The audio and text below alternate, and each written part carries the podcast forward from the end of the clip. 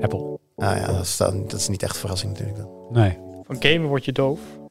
Wat? Wat? ik wil het Hallo. Oh, oh, oh. Had ik er ook boven kunnen zetten, Donnie.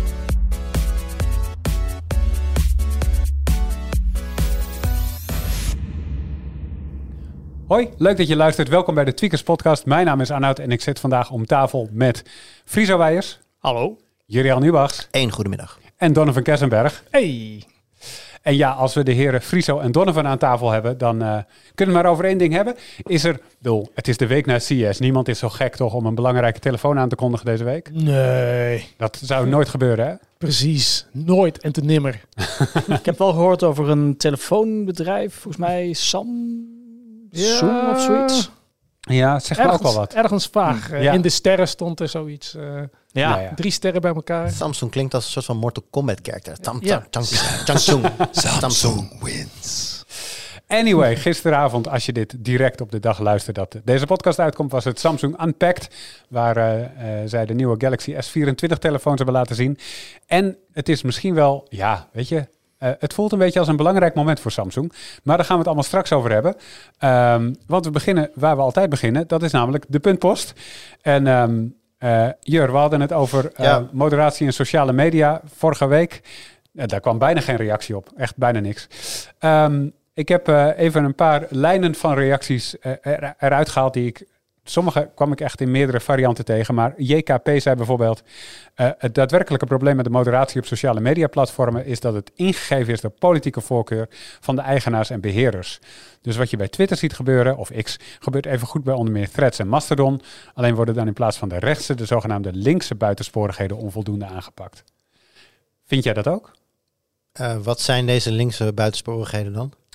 Ik heb geen idee. Ik snap niet precies, zeg maar, ik zag deze als reactie we- vaker terugkomen. Als Maar- we, als we als rechtse buitensporigheden neerze- neerzetten keihard racisme en discriminatie, wat zet links daar dan tegenover? Ben ik heel benieuwd naar. En daar nu denk je, ja, maar dat zeg je omdat je zelf links bent. Is zo, ik ben eerder links dan dat ik rechts ben. Maar ik vind, weet ik veel, eh, heel veel dingen over eh, klimaat of rechten voor transgenders of wat dan ook. En daar en dat dan is dat is zijn dat dan de buitensporigheden? Waar ik weet oprecht niet wat hij bedoelt met linkse buitensporigheden. Ja, ik denk eigenlijk dat, um, um, maar dit is invulling hoor, dat hij bedoelt dat, ehm, eh, sowieso kan je bij Mastodon, kan je, als ik het wel heb, je eigen moderatieregels bepalen. Dus je kan ook zeggen, ik modereer helemaal niks. Je kan ook zeggen, ik modereer alles waar ik het niet mee eens ben. Of Ja. alles wat er tussenin zit, je kan van alles doen. Je hebt, Ja. je hebt eigen controle over je eigen server. Ehm, maar eh, voor mij is een beetje het idee aan de rechterkant van het politieke spectrum, een beetje overgewaaid uit de VS, denk ik, dat eh, absolute vrijheid van meningsuiting, zoals Elon Musk dat voorstaat en nu bij X een beetje probeert door te voeren, ehm, dat dat niks censureert. Ehm, terwijl als je, eh, oh, zo. Beha- als je behalve dat als wel je doet, als je tegen racisme bent, dan ben je links. Nee, maar als je, als je, als je dus wel censureert verder dan de wetgeving ehm, eh, je verplicht, ehm, dan ben je volgens die mensen links bezig. Dus als je dit uit een rechtse bril bekijkt, dan is dat links. Ja. Maar het is zoals zeg maar, sociale media over het algemeen modereren. Namelijk, iedereen wil zich een beetje veilig kunnen voelen op zo'n platform. Daarom modereren we dingen. Ja, dus, dus, dus als je dan het rechts en links, zoals dat dan hier wordt aangevoerd, tegenover elkaar zet, dan is de een laat te veel vrij. En een van de dingen die daar dan bij komt kijken is racisme. De ander censureert, hard gezegd, even te veel. En daardoor heb je dan dus ook geen racisme, maar misschien ook wel heel veel dingen niet die gewoon oké Ja. waren. Ja, precies. Ja, Het idee is ja, dat je dat is- het kind met het badwater weggooit. Dus dat je, ehm, eh, eh, oh, ja, goed, dat er gewoon een, een, de uitwassen, die wil je weghalen. En door die weg te halen, neem je meer weg, waardoor een deel van de politieke discussie op die platforms niet kan worden gevoerd. Dat is het idee volgens mij. Ja, nou, hij schrijft wel de zogenaamde linkse buitensporigheden onvoldoende worden aangepakt. Dus, maar dat, dat, dat strookt dan niet met deze, want dat Nee. is juist te, ve- te, wordt te, er wordt te veel aangepakt, aangepakt en dat zou het dan links maken in dit spectrum. Ja. Ja, ik weet niet of rechts en links sowieso, want ik, ik schrijf net tussen neus en lippen door racisme toe aan rechts. En dat komt natuurlijk omdat we echt eh, rechtsextremisme daar vaak mee verbinden. Iemand die knijt links is kan natuurlijk nog steeds wel gewoon racistisch zijn ook. Dus dat, Precies. maar ehm, ja, ik weet niet, ik, wat ik zeg, ik vind, ik vind rechts en links hier lastig op, op toepassing. Maar ik zie inderdaad wel wat, wat, wat hier gezegd wordt, dat dat inderdaad een, een tegenstelling is tussen die twee. Ja, ik weet niet, ik weet in ieder geval wel dat het niet moet zoals bij Twitter gaat momenteel. Ik begrijp sowieso niet dat mensen überhaupt politieke discussies voeren op een platform als Twitter. Maar, Nee, maar dit gaat niet over een politiek, dit gaat gewoon over, over hoe zo'n platform zichzelf gedraagt. En dat, daar, daar hoort dan een bepaalde politieke... Of niet eens, zeggen, we, we, we, wat ik zeg, we plakken er nu dan rechts en links op, maar eigenlijk slaat dat nergens op. Precies. Precies. Het gaat erom dus dat je aan de hand van de moderatieregels, nou ja, ehm, eh, probeert af te lezen welke politieke signatuur een platform heeft. Ja. Dat is volgens mij het idee. Ehm, Ze hadden toch ook veel, eh, gewoon veel te weinig moderators. Dus, ja, dus misschien dat- ook de, de, de politieke voorkeur van die ene Nederlandse moderator. Ik wou net zeggen, toch? Ja. Die ene Die hele Nederlandse moderator die Ja. er zit, ja. ja, dat is een interessante positie inderdaad, want niemand kan checken wat diegene doet. Eh Primus IP, die vraagt zich af, ehm, waarom zitten jullie als tweakers nog op Twitter? Want jullie zijn er duidelijk kritisch over, maar ondertussen zijn jullie er wel actief. Ehm, en dat bedoelt hij niet de privé-accounts, maar echt zeg maar, het tweakers-account zelf op Twitter. Ehm eh, Jur, jij hebt daarover gebabbeld, volgens mij met onze hoofdredacteur, vandaag afwezig, Wout. Ja, eh, wat is daar onze lijn in? ja kijk, het is niet zo dat wij links of rechtsom zeggen, ah, heb je weer links rechts. Dat wij links of rechts zeggen van wij willen per se een X-account, we willen per se niet. Kijk, eh, eh, de, de simpele eh, uitleg is, we doen er eigenlijk al heel weinig mee. Er staat een geautomatiseerde feed op, op Twitter. Die wordt door mensen gevolgd en op die manier krijgen de mensen zeg maar, onze headlines binnen. Hetzelfde zou, zou je kunnen doen met een eigen RSS-feed natuurlijk. Dat is wat wij doen met ons X-account, dus X slash Twitter. Dus ja, het is niet. Kijk, bijvoorbeeld als je kijkt naar Instagram of Facebook, daar plaatsen we heel veel op maat gemaakte content. En Jasper is dagelijks bezig om daar allerlei updates te plaatsen over de video's die we maken, de reviews die we plaatsen, et cetera. Nou, dat doen we op X sowieso al niet. Ehm, ja, dat is eigenlijk een beetje waar we staan. En ehm, eh, eh, Wout zegt daarbij ook van, eh, je kunt X natuurlijk zelf redelijk cureren in, in wat je wel en niet wil zien. En dat wordt wel steeds meer werk. Want ja, dat, het is in mijn timeline komen steeds meer dingen die ik niet wil zien. Maar inderdaad, je kunt, als je gewoon blijft blokkeren, blijft negeren, dan hou je op een gegeven moment wel iets werkbaars over. Ehm, dus dat maakt het voor ons niet eh, een, een, ineens een nijpende situatie om dan maar ons Twitter-account. Zeker zolang mensen gebruik maken van die feed en daar hun, ja, via daar hun weg naar tweakers vinden, dan is het natuurlijk voor die mensen ook niet fijn als ze dat zomaar ineens op de een of andere dag uitzenden, eh, uitzetten. Dus dat is een beetje ja, de tweakerslijn, om het zo even te zeggen. Dieper dan dat hebben we het er met de redactie ook niet over gehad. We hebben Nee. met de hele redactie hebben we TikTok wel eens besproken. En dat vinden we ook een heel ander ding. Hè? Want bij TikTok nou ja, weten we gewoon de, de rol die de Chinese overheid daarbij speelt. De, de bedenkingen die er zijn bij de overheden in Europa. Waar TikTok al bij heel veel overheden gewoon verboden is voor hun werknemers. Vind ik een andere situatie dan een eh, platform dat afglijdt naar de afvoerpotjes. Omdat het te weinig gemodereerd wordt. En dat is, vind ik, net een andere situatie persoonlijk. En, eh, maar goed, het grote verschil is, TikTok hebben we wel over gehad. Twitter niet. Misschien moeten we het een keer doen. Misschien moeten we op de redactievergadering een keer opperen van... nou, we zijn er mensen die er eh, iets tegen hebben... dat wij als platform op, op Twitter actief zijn. Maar dat is, dat is sowieso niet gebeurd nog. Dus. Ja, Ja, ik, ik kan je vertellen dat ik in elk geval Twitter precies zo gebruik als hoe jij eh, dat, net, eh, dat net uitlegde. En daarbij heb ik precies nul mensen geblokkeerd. Ik, eh, ik, volg, ik volg de mensen en de bedrijven die ik leuk vind en die ik interessant vind. En eh, Ja, en, je, En- en- en je, je gebruikt dan alleen de feed waarin je dingen zit die je volgt. Want je hebt natuurlijk ook die aparte feed voor jou. En dan gaat een algoritme een beetje dingen erbij zoeken. oh, dat doe ik, dat, daar kijk ik niet naar. Ja, ik kijk nee. inderdaad alleen maar naar, naar, naar wat, ik, naar wat Ja. ik volg. Want als ik inderdaad die, die, die andere feed, hè, de voor jou feed volg, ja, daar zit zoveel rommel in. Daar, eh, dat, Ja. dat is, dat, Nou ja, kijk, en als ik meer vanuit mezelf spreek, want ik heb toevallig, volgens mij heb ik op deze re- reactie ook zelf een reactie geplaatst eh, in de comments. Dan gaf ik ook aan, als ik puur naar mezelf kijk, vind ik het ook wel moeilijk. Want ik heb wel de mening, wat ik zei, hè, ik vind eigenlijk dat gegeven de content die daar nu op staat en waar niets aan gedaan wordt, vind ik eigenlijk dat eh, Twitter, de content van Twitter niet voldoet aan wat wij in Nederland normaal vinden, aan wat Ja. volgens mij de wet toestaat. Dus ik vind eigenlijk, Twitter zou verboden moeten zijn. Maar ik heb wel een account. En dat is hypocriet. Maar wat ik zeg, ik vind het heel lastig om. ehm, eh, nee, laat ik het anders zeggen. Ik haal daar iets uit wat ik gewoon niet heel makkelijk op een andere plek kan vinden. We hebben het vaker gehad over de, ja, de, de, de, de compleet. Wat komt er dan na X? Nou, dat is heel gefragmenteerd met Blue Sky, met Mastodon, noem het allemaal maar op. Dus ik heb daar gewoon geen vervanger voor. Dus de newsfeed die ik binnenkrijg via X kan ik niet heel makkelijk ergens veranderen. Dus voor, voor mij is het echt steeds meer read-only. Ik heb toevallig afgelopen weekend volgens mij weer eens een keer wat geplaatst. En dat was voor het eerst in tijden dat ik zelf weer een keer wat op dat, eh, op dat platform zette. Ik zag een like van jou langskomen op een van mijn tweets. Ja, nee, dat wel. ik, ik lees veel en ik like wel, maar voor de rest is, het, is mijn, de manier waarop ik het gebruik heel anders geworden met de eh, verharding van dat platform als algemeen. Ik vind het niet meer het leuke, gezellige Twitter dat het ooit was. Voor mij is het nu echt gewoon puur een manier om informatie tot me te nemen op een voor mij makkelijke manier. Ja. En dat is dus de reden dat ik toch wel een account heb op een platform waarvan ik eigenlijk in het bredere geheel zeg van ja, dit is niet oké. Ja, het grappige is dus dat ik daarin bijna het tegenovergestelde heb. Want voor mij is Twitter nog steeds wel dat leuke, gezellige platform. Maar dat komt dus inderdaad omdat ik alleen maar hè, met mensen praat in mijn bubbel. En al, al die... Ja, het is, het, is, het is bijna een soort van echo chamber. En dan niet eens over... eh, eh, gevoelige onderwerpen. Hè. Het gaat over games, het gaat over tech. En als je gewoon hè, die, die mensen volgt en met die mensen gezellig praat en twittert en daar dan ook nog eens eh, eh, hè, wat, wat, wat nieuwsmedia volgt en, daar, en, en, en hun tweets gebruikt als feed. Nou, dan kan, plit, plitter, dan kan Twitter nog steeds een hele leuke, gezellige plek zijn. Ja. Ik heb En- nergens last van. En kort en goed, het is gewoon een RSS-feed voor ons. Het is gewoon, je leest onze nieuwsberichten en Ja. reviews daar. Dat gaat volledig automatisch. We doen er helemaal niks aan. Dus voor ons ook geen moeite. Eh, Nee. En dat steken we er ook verder niet in. Als het stuk gaat, weet ik niet eens of we het zouden repareren. Maar voor de mensen die eh, X nog gebruiken als, eh, als eh, manier om nieuws tot zich te nemen, dat kan dus nog gewoon. Eh Bouke Timmermond had nog als toevoeging dat als je geen moderatie toef- toepast, dat je dan de extreme eh, een stem geeft en daardoor de gematigde stemmen een beetje eh, wegfiltert. Ik parafraseer, want dat is een vrij lange reactie, heel genuanceerd. Maar ik vond dit wel een goed punt. Eh, en eigenlijk ook al waar we het over hebben, hadden in de, in de links-rechts discussie. Dit was.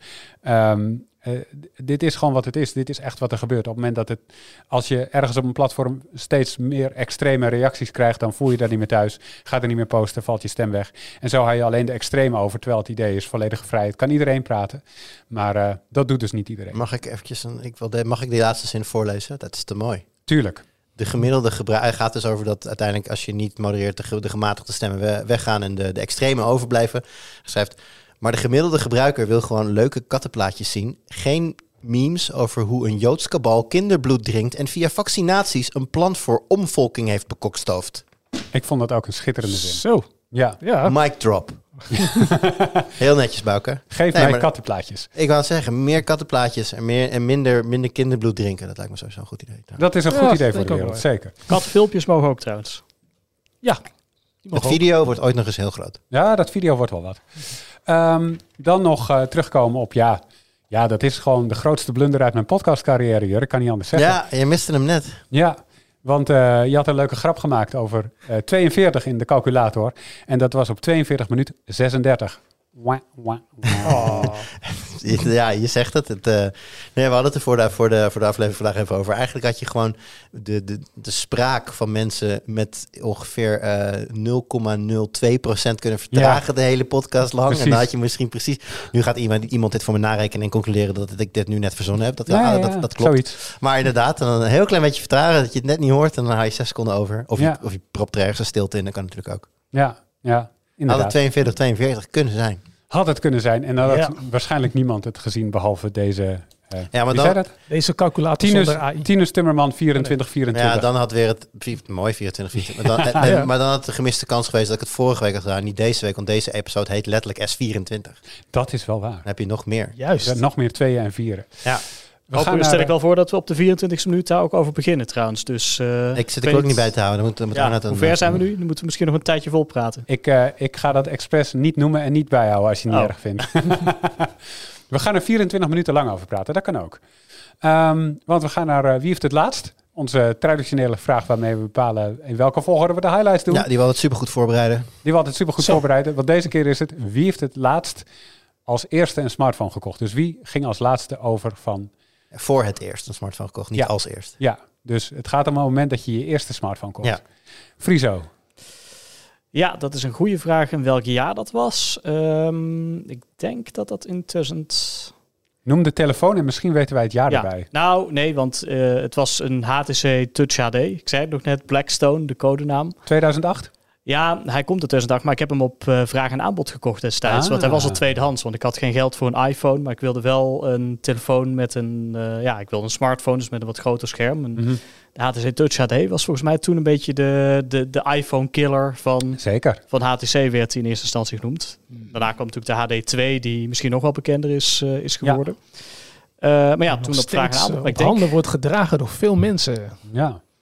Ja, nou ja, ik, Ja. eh, misschien kunnen we hem nog eens een keer. Ik, ik zie, eh, ik zit uit te kijken op een hele serie dozen. Eh, we gaan een mooi museumpje bouwen hier eh, op de nieuwe locatie. Dus ja, misschien kunnen we hem ooit nog eens een keer voor het museum regelen. Dat ik heb hem gedoneerd, volgens mij. Oh, echt? Kijk eens. Ja. Oh, fantastisch. Ik had hem in mijn collectie. Ik denk, ja, die, die moet bij Tweaker staan, want dat is zo'n Hmm. legendarische telefoon. Ja, zeker. Maar ja, zullen we het houden op 2009, 2010? Nou, nee, ik denk in 2009 dat ik hem tweedehands heb gekocht. Toen, eh, het was in ieder geval niet, hij was niet nieuw. Check. Jur, Definieer smartphone. een telefoon die meer kan dan alleen bellen en sms'en, namelijk apps installeren, agenda's bijhouden en mail ontvangen. En eh, een telefoon met iMode, kon die dat? Ja, dat weet ik niet. Ja, ik, volgens mij zo zat er wel een agenda-functie in, maar... Volgens mij kon een iMode dat wel. Wel ik, had namelijk een, ik had namelijk een... Spreek je dat uit als NEC of NEC? Daar ben ik al heel voorzichtig mee. Eh, NEC is het. En een NEC 223i had ik volgens mij. En die nam ik toen ik ging studeren. Dus dat, is, dat moet ergens eind jaren 90 zijn geweest. Wauw. Ja. Dus dat, eh, ja... Nee, want had ik die toen Nee, meteen al die eh, nek? Nee, later. Nee, later, later, later. Ik wou net zeggen, toen was dat er nog helemaal niet. Nee, 2003 ben ik, ging ik studeren. Ik zat, ik zat eventjes... eh, ik, ik was één school te vroeg. Eh 2003 ging ik studeren. Dus nee, dat moet dan... eh, het zal vier, vijf zijn geweest daar in die tijden, die jaren. Oké. Maar, dat, dat dan, maar dan kwalificeer je iets als een smartphone dat er niet uitziet als de huidige. Als we zeg maar de iPhone zien als in- de, de, de eerste smart. Was dat de eerste smart? Nee, nee, dat Nee. was de Nokia Communicator. Nee, dat was, die- nee, dat was dat ding van eh, IBM, de Simon, Oké. 1994. Dus ja, PDA's werden eigenlijk. PDA's konden ineens bellen en toen hadden we Ja, Ja, smartphones. Ja, dat is een beetje wat er gebeurde. precies. Oké. precies. Nee, kijk, als we dat, want die konden wel echt meer dan mijn iPhone, de iMode telefoontje. Eh, en dan eh, de eerste telefoon die in die categorie valt, zal de. Ik heb nog een Sony Ericsson gehad tussendoor, maar volgens mij denk ik dan aan de HTC. Kwam, kwam eerst de Sensation of eerst de Desire? Desire. Nou, dan zal het Desire zijn geweest voor mij. Oké, Maar dan mogen, mogen jullie Desire. bepalen of die, Ja. of die NEC meetelt, of dat de HTC is. we tellen hem lekker mee. Donovan. Ja. 1984. Nee. 7 oktober 2003. Wauw. Ja, ja. Op de dag af. Ik, eh, ik weet het nog heel goed. Ja. Vertel. Het eh, was eh, de Nokia Engage. Oh, ja. Ja, ja. Wauw. Ja, dat, is, eh, dat was er eentje waar ik echt... Het komt niet heel vaak voor dat ik op dag één naar de winkel ren voor een apparaat of een console. Maar dat was er eentje die ik echt day one wilde hebben. En wat ben je was je er achteraf ook heel tevreden mee? Want ik, de Engage viel mij destijds best wel tegen. Oh nee, ik, ik was er heel tevreden mee. Zeker. Ja, Eh, de, de, eerste, de eerste verzameling games die uitkwam, toen had ik nog wel zoiets van, mm, ik weet het nog niet helemaal. Maar toen ik erachter kwam, want het ding werd niet echt neergezet als een smartphone, maar meer als een Game Boy waarmee je kon bellen. Maar toen ik erachter kwam wat voor eh, smartphone functies je allemaal had met het ding, nou toen was ik er zo blij mee. Ik heb er echt van alles mee gedaan. Echt, eh Ja, precies. Ik ik zag het uitgewoond heb ik hem. Voor mij was het meer inderdaad echt een soort van game dingetje. Waar je dan toevallig ook mee kon bellen. Ik heb hem volgens mij toen destijds geleend, een tijdje. Nou, ik vond het echt... Ik heb de dingen meer in een laag gelegen dan dat ik er iets mee gedaan heb, volgens mij. Nou ja, nee, ik heb hem echt elke dag intensief gebruikt. Totdat hij, eh, ja, totdat hij gewoon echt niet meer kon. Er kwamen geen games meer voor uit. En al die apps die hadden op een gegeven moment zoiets van... Je moet, een, eh, je moet minstens eh Symbian eh, versie zoveel hebben. En eh, de Engage werd niet meer geüpdate. Dus toen was het klaar. Hmm. Wauw. Voor mij is het 2006. Oeh, Toen had ik o- ook een Nokia. Dat was een N80, ook met Symbian. En ehm, dat vond ik een geweldig mooie telefoon en nog redelijk betaalbaar. Dat was vlak voor de N95 uitkwam. Hij kon ook ietsjes minder dan dat ding. Maar eh, ja, het was wel een heel mooie telefoon. En ik had namelijk daarvoor een, een Sony Ericsson Walkman telefoon. oh ja. Ehm, dat was mijn laatste niet-smart smartphone. Ehm, eh, en eh, wat, ik, wat me daaraan irriteerde is dat ik niet meerdere dingen tegelijk kon doen. En toen dacht ik, ja, een smartphone is dan wel echt de oplossing. En eh, net als Jur was ik gaan studeren in die tijd. Of misschien was ik al net klaar, zoiets. Eh, anyway, ehm, ik- had, ik had er echt wel behoefte aan om onderweg iets meer te kunnen doen dan alleen bellen en sms'en. En dat kon dat ding. En daar was ik echt super blij mee. Ook al was eh, apps installeren en internetten via zo'n Symbian telefoon was echt gedoe. Elke keer als de browser opstart, dan vraagt hij... Ja, je hebt een mobiele verbinding, maar weet je zeker dat je via de mobiele verbinding wil internetten? Of heb je ergens wifi? Weet je wel, die, die dialoogvensters die er het tussendoor kwamen, het was echt... Oh, zo'n gedoe om dat ding te Er gebruiken. zijn nog steeds apps die dat doen, hè? Ja, Ja. die zeggen, je zit op een mobiele verbinding, dan gaat je data kosten. Precies, maar Ja. zeker in die tijd, data was zo belachelijk duur. Dus ergens snap ik het wel, dat ze allemaal zeiden, weet je zeker dat? Maar ja, Ja, ja, maar het was echt, ja goed. Maar ik vond het wel tof dat ik zoveel mogelijkheden had. Ik heb een navigatie opgezet en zo. En eh, allemaal dat soort dingen die, die, die, die je met een smartphone doet. Eh, een chat-app, dat, was, dat, vond ik, dat zou nog steeds bijzonder zijn, want we hebben het daar nog steeds over. Een chat-app die meerdere diensten combineert, stond daarop. juist. Was het dus- Trillion? Volgens mij was het Trillion, ja. Ja, ja, ja, ja. Ook nog gebruikt Ja, dat was echt fantastisch. op mijn Dus Engage. even denken, wie is er dan het laatst overgestapt op een smartphone? Dat is dan Friso, dus daar beginnen we. Nou, Wat is eh, je highlight? ja, ik heb het een klein beetje letterlijk genomen wel eh, deze keer. Eh, mijn highlight, die is eh 1019,41 candela zie ik hier staan. Wauw. Op een 2% vakje en op een volledig scherm 240. Ja, moet ik misschien even uitleggen, maar ik heb eh, van de week dus een heel artikel geschreven over ja, een overzicht van alle OLED-monitors die op de CS eh, zijn Ja. aangekondigd. Ja, dat is een heel rijtje, allemaal nieuwe. veel, hè? Ja, zeker. En ook, ook gewoon echt eh, nieuwe keuze natuurlijk die je voorheen niet had. Dus 32 inch 4K, eh, nieuwe ultra-wides, nieuwe eh, eh, 27 inch WQHD met 480 hertz. Nou, dat, dat, dat duurt er nog eventjes. Mhm. Maar ja, toen kreeg ik een telefoontje van Asus en die zeiden, hey, we hebben er al één. Dus die is zo net eh, persoonlijk bij ons bezorgd door de man van Asus. En eh, ik heb ook meteen even een meting gedaan van de helderheid. Want dat is, eh nou, zijn twee soorten panelen voor, die, voor wie het artikel niet heeft gelezen. Dus de QD OLED schermen, die zijn van Samsung. En de eh WOLED schermen, dus WOLED van LG. Eh, en nou, die Asus die we nu hebben staan, dat is een ultrawide, een 34 inch met een WOLED paneel. Je had al QD OLED ultrawide, dus die WOLEDs komen er nu bij. WOLED voor de duidelijkheid staat ervoor dat LG een witte subpixel toevoegt voor Exact. meer helderheid. Ja, Ik ja, heel dat je dat zegt, moet ik aan Age of Empires denken. Ik hoorde heel tijd. Wolololet. Sorry, ga verder. Maar ja, o- eh, ondanks die witte subpixels, dat was echt wel een nadeel bij die eerste generatie eh WOLED-panelen. Want eh, je had er vorig jaar dus ook al een paar. Eh, dat die helderheid gewoon echt niet overhield. Eh, dat die zelfs, hè, we meten altijd op een vaste helderheid van 150 candela. Mhm. Dat die, nou ja, dat haalden ze dan echt met hangen en wurgen op een volledig wit scherm. Dus dat was echt wel, eh, nou ja, problematisch zou je zelfs kunnen zeggen als jij in een redelijk heldere ruimte zit. En daar hebben ze dus nu bij de nieuwe generatie aan gewerkt, zei LG al. En dat blijkt dus ook uit deze test, dat die gewoon echt qua helderheid een stuk beter in de buurt komt bij wat, eh, wat de QD OLED-panelen vorig jaar ook al konden. Hè, ik bedoel, het is niet, je moet er geen LCD helderheidskanon eh taferelen van verwachten. Maar dus wel gewoon 1000 candela op een klein wit vakje. Natuurlijk voor de HDR-highlights belangrijk. En Mhm. op een volledig wit scherm eh, ook zodanig helder dat het gewoon ja, bruikbaar is, zolang je niet het in een heldere ruimte of in een, ja, een heel hel verlicht kantoor wil gebruiken. Maar natuurlijk in een game room is het eh, denk ik prima op zijn plaats. Ja, wat is, want je zei 240 toch bij een volledig wit scherm? Ja, ja, dat is wel een HDR. Ik had nu ook net eventjes een SDR gemeten. Dan komt hij wel iets lager op de 200. Dus ja, het is, ik bedoel, het, het houdt niet echt Dat over. is in een kantoor echt al lastig, of Ja, niet? inderdaad. In een kantoor. Het, ik bedoel, maar het zijn ook, dit- dit, is absoluut geen kantoorscherm. Dat zie je ook al meteen als je hem, als je hem voor je ziet. Want die, eh, die nieuwe WOLED ultrawides die zijn heel erg gekromd. Dus dat is echt Oh, eh, ah. 800R voor wie eh, dat Ja. iets zegt. In ieder geval echt zodanig krom dat je hem eerder in een sim racing setup zou willen gebruiken dan eh, Ja, voor een Excel sheet, zeg maar. ja. Maar dit is dus veel helderder dan die vorige generatie. Het is echt een... eh, Het is wel echt wel een stukje, hoger. een stukje helderder. Nou ja, en ik ben ook gewoon benieuwd naar de andere eigenschappen natuurlijk. Eh, het voordeel van OLED is wel dat nou ja, heel veel dingen eigenlijk ja, haast per definitie al goed zullen zijn. Kijk, kijkhoek is OLED sterk in. Contrast natuurlijk, hè, perfect, want zwart is gewoon zwart. Uniformiteit is vaak heel goed. Eh, dus ja, het zal, en dat is natuurlijk ook leuk met al die schermen die nu uitkomen. Eh, kijk, al, alle, alle fabrikanten gaan eigenlijk uit van een goede basis. Dus dan wordt die implementatie heel erg belangrijk. Je ziet wel echt dat eh, fabrikanten daar een interessante keuze hebben. Maar bijvoorbeeld die schermen van Asus die hebben vaak USB-C met veel power delivery. Nou, we Mhm. zagen van Gigabyte zagen we een scherm dat een hele vooruitstrevende DisplayPort aansluiting had. Wat hebben we dan nog meer? HP.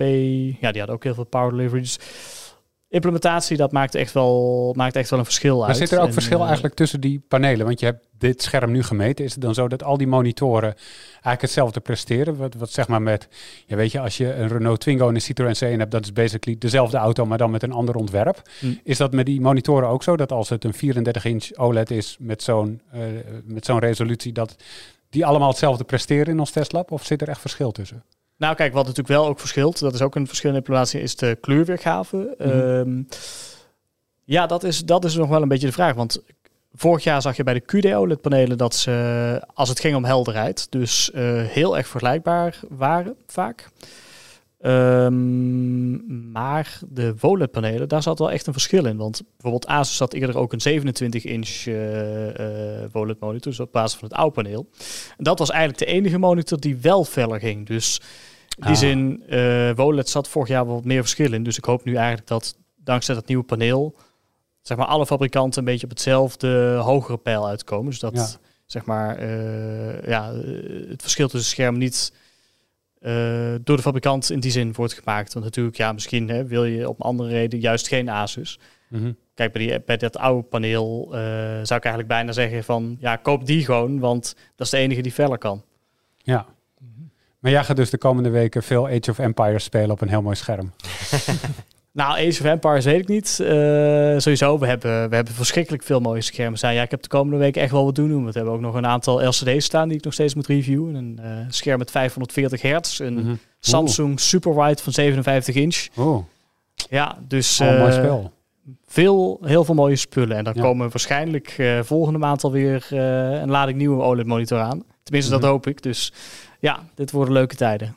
En drukte op de monitormarkt. Veel drukte. Yes, dan ben ik de volgende, denk ik. Want ik was in 2006. Um, ik kreeg uh, uh, afgelopen maandag een mysterieuze mail, mag ik wel zeggen. Dat gebeurt wel vaker hoor. Um, dat was iemand van een PR-bureau die zei... Moet je horen, Google heeft uh, morgen, dat was dan dinsdag... Um, een digitale ontmoeting. Uh, we willen iets aankondigen. We willen niet zeggen wat het is. Maar er zit een embargo op tot aan woensdagavond. Dus ga je daarmee akkoord, dan, uh, dan kan ik je daarvoor uitnodigen. En dan zorg ik dat het in orde komt en zo. Ik dacht, nou ja, weet je, uh, Google wil iets aankondigen. Het is iets belangrijks over hun belangrijkste producten. Dat is de zoekmachine. Wat gebeurt er in de zoekmachine? AI, toch? Dat is dan wat je denkt. Dat is wat ja. ik denk. Ja. Dus ik ging met hoge verwachtingen daar zitten. En um, uh, ik dacht van, ze gaan gewoon aankondigen van... en nu gaan we generatieve AI in de zoekmachine stoppen... en dat douwen iedereen in Nederland en België voor de snuffert. Dat is niet wat het is. Oh. Maar wat Nee. is het dan wel? Het is, maar het is wel AI in de zoekmachine, maar dit verbaasde me enorm. Ze hadden, ik kwam uh, ook die, het, het was een Google Meet uiteraard, want het is Google. Uh, ik kwam daar binnen, er waren 150 mensen, ik zat die namen doorheen te scrollen en ik dacht, ja, ik zie namen uit letterlijk de hele wereld. Um, dit, is, dit is geen uh, Europees feestje of zo. Dit is van meerdere continenten en zo. En dat was het ook.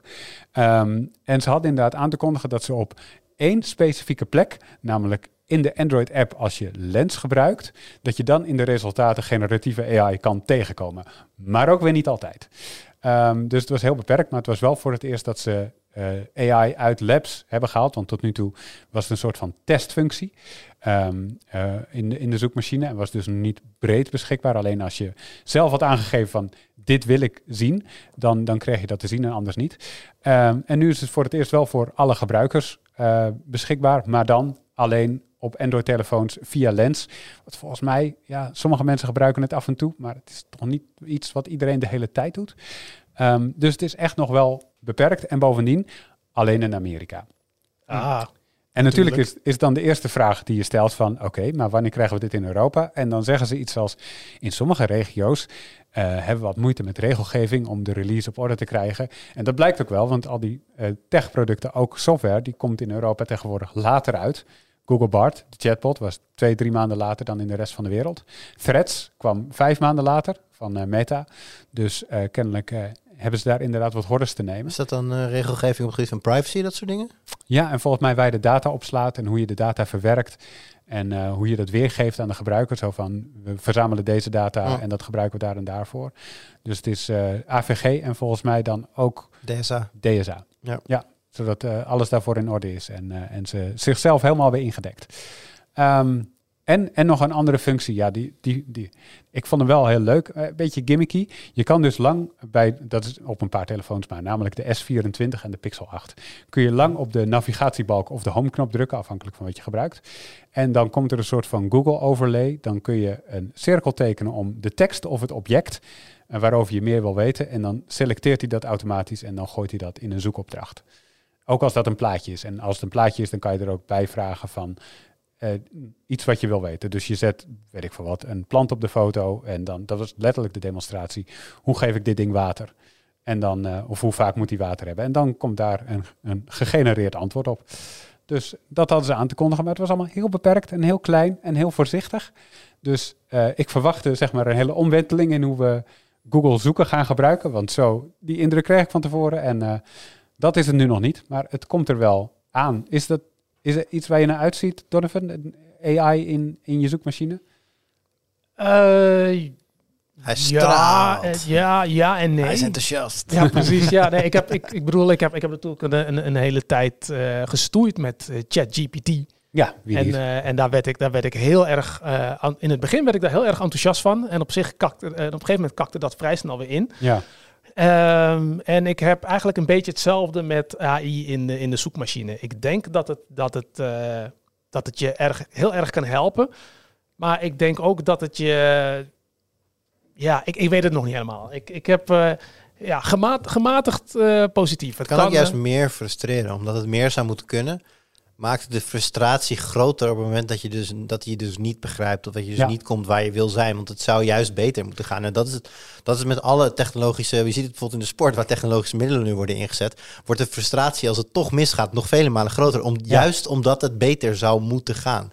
En dus die paar keer dat het misgaat, die worden veel meer uitvergroot. En dat ga je nu in dit soort dingen ook zien. Als jij in Google, of als jij in de zoekmachine iets intikt, die komt niet helemaal waar je wil zijn, dan denk je, nou oké. Okay. Maar als het inderdaad een heel AI-systeem achter zit en die slaagt er niet in te begrijpen waar je heen wil, dan maakt het het alleen maar erger. Ja, het moet 100% ja. van de gevallen werken en niet ja, 99. Ja, nee, en niks werkt 100% van de gevallen. Dat nee. nee, dat is zo. Maar kijk jij ernaar uit, Jor? Uh, nou ja, het specifieke voorbeeld wat jij nu noemt. Kijk, mijn vriendin is twee jaar geleden vijf dagen naar het buitenland gegaan. Toen ze terugkwam waren er drie planten dood. Dus oh, het voorbeeld ik, dat, dat ik, ja. had maar, ik had maar één taak. nee, ja, goed, ik ben daar gewoon niet zo goed in. Maar uh, en, dat, is, dat is dan één ding, maar je, je kan ze gewoon ook allemaal water geven. Maar inderdaad, ik sta wel eens gewoon bij een plant met een gieter en dat ik denk... Hoeveel moet hier nou in? en dus, dus dit hele specifieke voorbeeld, dat ik was zoiets van... Oh, dit is handig. Mm -hmm. Dus, uh, maar kijk ik er naar uit? Nee. Het is het in die zin, als het eenmaal is, ga ik het heus wel een keer proberen. En als het dan mij hierbij helpt, dan vind ik het heus wel grappig. Ja. Maar ik zit niet hier echt naar uit te kijken van dit gaat mijn leven veranderen. Nee. Wat ik ook opvallend vond, dit was zo'n zo kleine, zo'n klein detail wat in de vragen naar voren kwam. Maar dan denk je, Google gaat op volle toeren vooruit. Die hebben zo'n groot plan met AI en zo. Dus dit brengen ze op de Pixel 8 en de S24 als eerste uit. Die hebben allebei Gemini Nano aan boord. Google's taalmodel dat vorig, vorig, uh, vorige maand uitkwam. Vorig jaar was het ook, maar ook vorige maand. Um, dus uh, dan denk je, nou, dan gebruikt die functie, gebruikt dat. Maar dat is niet zo. Ze gebruiken daarvoor een ander model. En ze hadden dus al even een ontwikkeling. En dan zegt die, uh, die, die, die topman die het daarover heeft, zegt dan iets van... Ja, we hebben, we hebben er al mee geëxperimenteerd en we zien wel veelbelovende resultaten, maar dat hebben we nog niet geïmplementeerd. En dan denk ik, huh? Maar het is Google uh, en het is Google. Waarom is dat niet geïntegreerd of zo? Anyway, dat vond ik uh, ja, een ik vraag me dat sowieso ook af met, uh, met, met heel veel van de slimme assistenten. Ik bedoel, Ja. ze, zijn, ze zijn nu zo ver daarmee, maar eh, ik hoor nog steeds mensen worstelen met, eh, met de Google Assistant of met, of met Siri, die dan inderdaad gewoon, als je een vervolgvraag stelt, dat hij dat dan niet snapt. Terwijl als Ja. je ChatGPT eh, drie vervolgvragen stelt, dat hij wel Ja, eh, begrijpt wat je bedoelt. Dat ik denk van, wanneer komt dat nou eindelijk eens bij elkaar? Ja, vorige week hebben we het hier over die, die Rabbit gehad. Ik heb goede hoop dat, Oh. dat, dat, dat het gaat doen. De Rabbit, R- ja. Rabbit R1. ik, hoop het, ik hoop er nog steeds op. ja. yes. hey Jur, wat, uh, wat had jij meegenomen? Ben ik aan de beurt? Zeker. Was mijn, uh, ja, oké.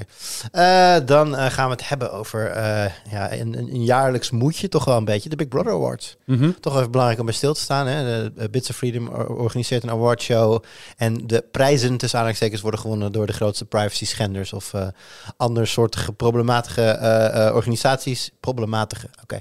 Okay. Um, mm -hmm. En dit jaar waren de winnaars demissionair minister Jesse Gus namens het ministerie van Justitie en Veiligheid. Die wonnen de publieksprijs.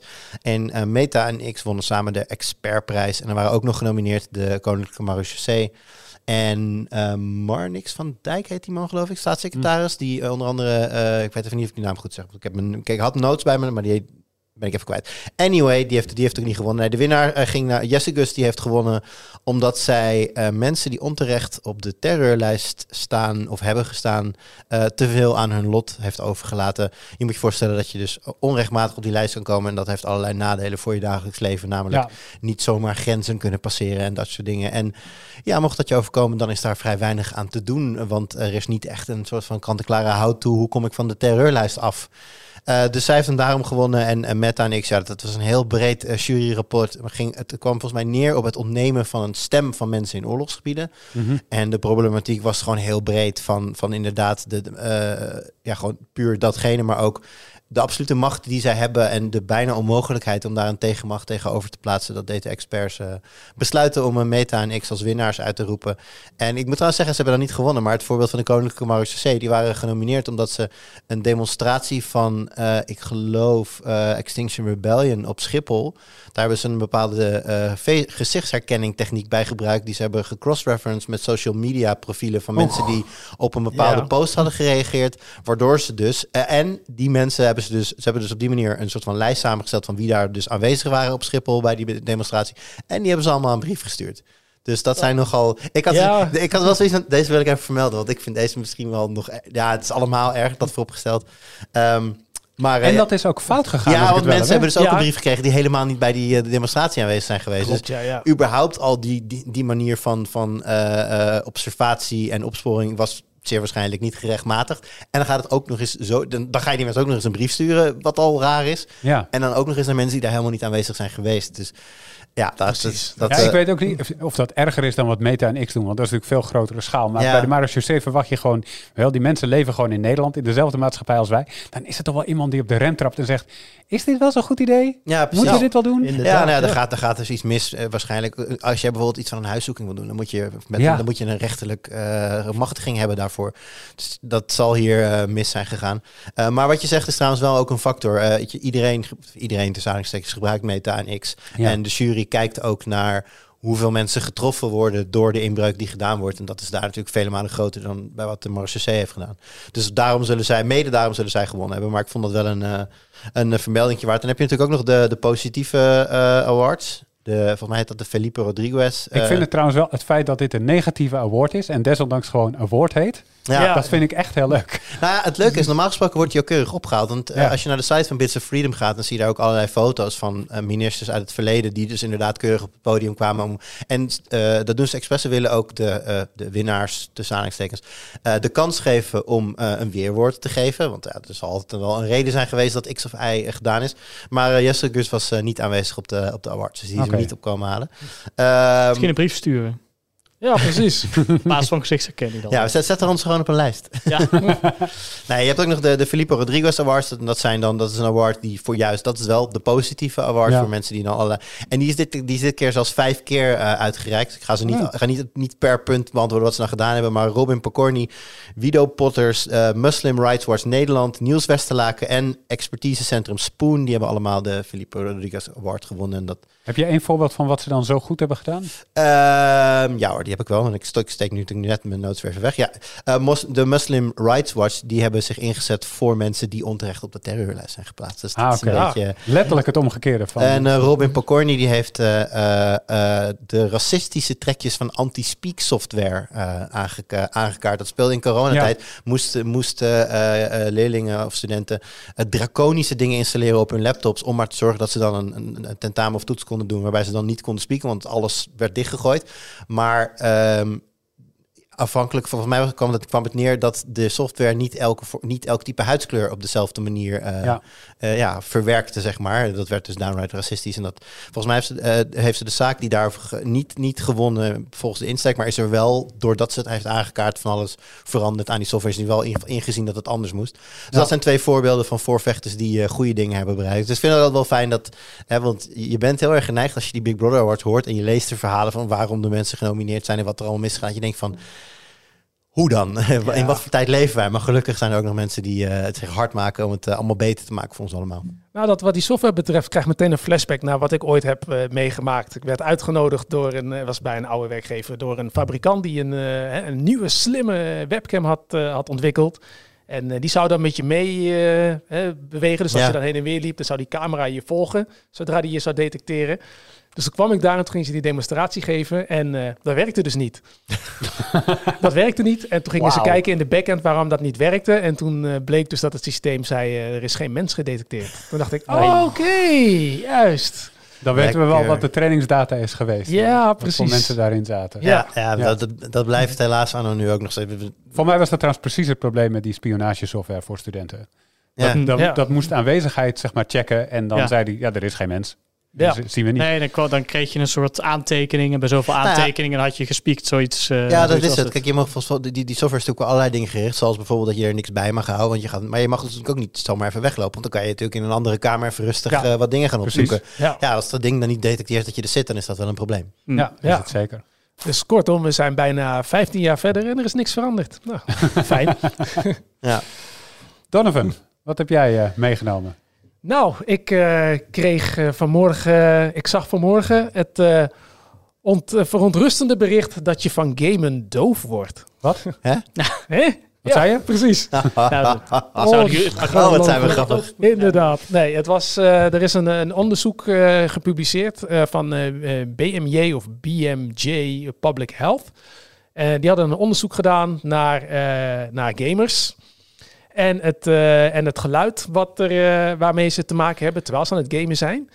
En het blijkt dus dat als je, eh, zoals hoe zij het brachten, als je veel gamet, dan eh, kan je hoorbeschadiging oplopen. Want ja, games en hard geluid, dat, dat is natuurlijk... dat is natuurlijk met elkaar verbonden. Er zijn natuurlijk geen enkele, er zijn natuurlijk geen, geen enkele andere factoren die ervoor kunnen zorgen dat je gehoorschade kan oplopen. Alleen als je gamet. Ja. Ik, eh, ik word er altijd een beetje moedeloos van, want ik, eh, ik, ik merk, de manier waarop dit is ingestoken is- voelt gewoon echt alsof eh, het gamen er weer als een zondebok bij wordt gehaald. En ehm, als je dat onderzoek leest, komt het er eigenlijk gewoon op neer van als je wordt blootgesteld aan veel harde geluiden, kan je gehoorbeschadiging oplopen. Nou en, dat, en dat was het. Kijk, ik, ik snap in die zin wel. Kijk, als je, als je het nou zo zegt van gamers anno nu zijn eerder geneigd om te gamen met een headset op hun hoofd in plaats van met speakers. Of, of Mhm. ik heb vroeger echt volgens mij mijn hele kindertijd nooit met een headset gegamed. Nee. Pas eigenlijk pas heel veel later toen op een gegeven moment inderdaad dat, dat, dat we de computer beneden hadden. dat Mijn ouders een keer zeiden Ja. van joh, kan het even uit. Zet anders even een koptelefoon op je hoofd, weet je wel. Dat is, maar volgens mij is het nu ik weet, ja, het zal per persoon verschillen, maar toch meer de standaard dat zeker hardcore games gewoon met een headset op gamen ook, omdat het voordelen oplevert bij het gamen. Je hoort vaak voetstappen bijvoorbeeld in een shooter. Klopt. Die hoor je echt als je een goede Ja. headset hebt, terwijl als je met boksen speelt, dan hoor je dat stuk Ja, dat is waar. En op zich begrijp, begrijp ik dat ook wel. Maar Ja, dan dus denk ik als van... je het zo insteekt van de meer dan vroeger is het een, is het een, een risico om inderdaad als je een hele dag zo'n ding op je oren hebt en je hebt het geluid hard staan, ja, dan is dat best wel een blootstelling. Maar ja, het is, dus er is natuurlijk wel Ja. meer dat daarvoor. eh, Als Maar degene dus die het- dit artikel heeft doorgenomen, wil ik dit gesprek wel een beetje bijsturen. Want het was niet zomaar een onderzoek. Het was een meta-analyse van eh 14 andere onderzoeken die ze geselecteerd hebben uit in totaal, ik geloof iets van 60 onderzoeken. Daarvan vonden, vonden ze 14 maar goed genoeg. De Wereldgezondheidsorganisatie was erbij betrokken. Een paar universiteiten. Het was dus ook echt wel een breed onderzoek. Ehm, en daarnaast trokken ze niet de harde conclusie die jij eh, zegt. Ze zeiden heel voorzichtig, er lijkt een relatie te zijn tussen gamen en blootgesteld worden aan te hard geluid. Ja. En er is een bekende relatie tussen blootgesteld worden consequent aan te hard geluid en gehoorschade op latere leeftijd. Nou, dat, Ehm, en dat is, dat is de lijn die ze hadden. En ze zeiden eh, ook nog daarbij als advies, eh, eigenlijk zouden we als maatschappij moeten nadenken, dat was ook de insteek boven het artikel die ik had gekozen, moeten nadenken over regels rondom eh, geluid in, eh, in, in games omdat het gewoon, dat doe je lange tijd. Dat is de gedachte. Eh, de meeste gamers gamen best wel lang. mhm. En ehm, als je dat altijd op hard geluid doet, dan word je dus, weet ik wat, 15 tot 20 uur per week of hoe lang je ook gamet, blootgesteld aan eigenlijk geluid wat volgens de normen van de Wereldgezondheidsorganisatie te hoog ligt. ja. En ehm, dat is denk ik een valide punt. Kijk, je hebt gelijk dat hoor, is- het is echt niet de enige bron van hard geluid in onze maatschappij. Je gaat ook naar de kroeg of naar een concert. En daar staat het geluid ook super hard. Ehm, of je maakt een podcast en je hebt een koptelefoon op je hoofd, kan je wel zelf reguleren hoor. Ehm, maar er zijn meer bronnen van hard geluid in, in de wereld. En dat is ook zo. Maar omdat ze een meta-analyse hebben gedaan, kunnen ze daadwerkelijk gamen als oorzaak wel redelijk daaruit filteren. Zo van, ja, Ja. gamen is zeker een factor. Niet de enige factor, het is zeker een factor hierin. Ja, En maar dat en dat dus is- mee. Wat ik zeg, omdat we dus meer gamen met headsets op. De, Ja, ik, ik vind het best wel fair om te zeggen van, joh, denk erbij bij na. Kijk, gehoorschade kun je op allerlei manieren oplopen. Als je heel even bij heel, heel, heel hard geluid staat, kan dat al meteen gehoord. En Ja. naarmate het, zeg maar, de, de heftigheid van de te hardheid minder wordt, kun je er wat langer tegen. Daar is dat, Precies.